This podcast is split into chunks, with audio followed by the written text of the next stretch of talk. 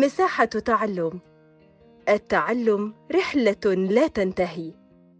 وبنكمل مراجعتنا والسؤال الجاي معانا بيقول لنا بما تفسر. واحد أنشأت الدولة وزارة البيئة. ليه أنشأت الدولة وزارة البيئة؟ الإجابة هتكون لإصدار القوانين والتشريعات لحماية البيئة من الخطر. اتنين بما تفسر الاهتمام بالتعليم الفني والصناعي لتخريج عمالة فنية مدربة. طيب بما تفسر تعاني البيئة الصناعية من مشكلات التلوث البيئي بسبب حاجتين تلوث الهواء بسبب أدخنة المصانع وتلوث المياه بسبب مخلفات المصانع. بما تفسر حاجة المناطق الصناعية إلى رؤوس الأموال. طبعا علشان يشتروا الآلات لشراء الآلات وأيضا دفع أجور العمال اللي هيشتغلوا بقى في المصانع دي. اهتمام مصر بزيادة الصادرات من الصناعة. ليه مصر بتهتم إن هي تزود الصادرات لتوفير العملات الأجنبية.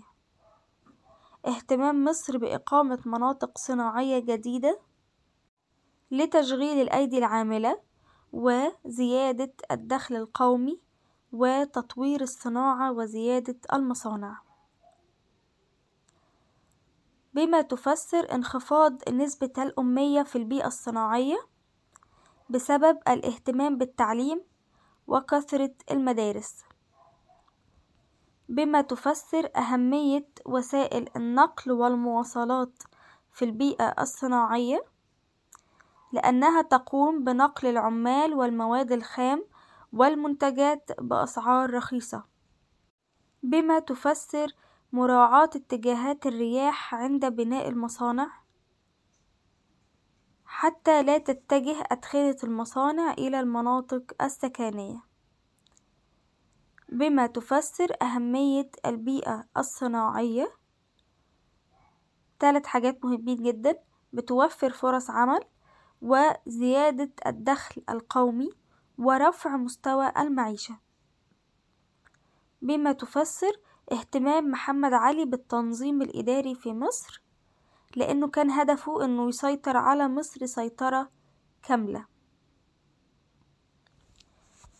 بما تفسر ارتبطت أو ارتبط النهضة الصناعية في عصر محمد علي بالنهوض بالجيش لأنه أقام المصانع لسد احتياجات الجيش من ملابس وأسلحة وغيرها.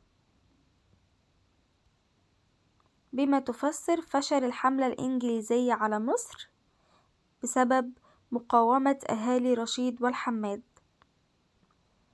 بما تفسر قيام محمد علي بمذبحة القلعة عام 1811 ميلاديا ليتخلص من المماليك وينفرد بحكم مصر.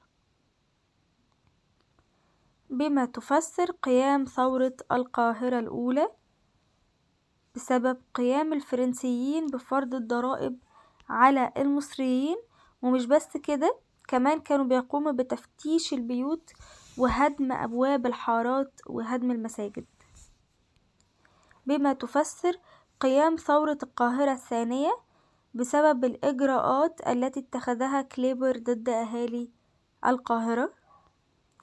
بما تفسر فشل الحملة الفرنسية على الشام لأنهم فشلوا في فتح مدينة عكا بسبب قوة أسوارها وبسالة أهلها يعني شجاعة أهلها وتفشي مرض الطاعون بين الجنود. هنقف لحد الجزء ده في المراجعة واستنونا في باقي الأجزاء الجاية.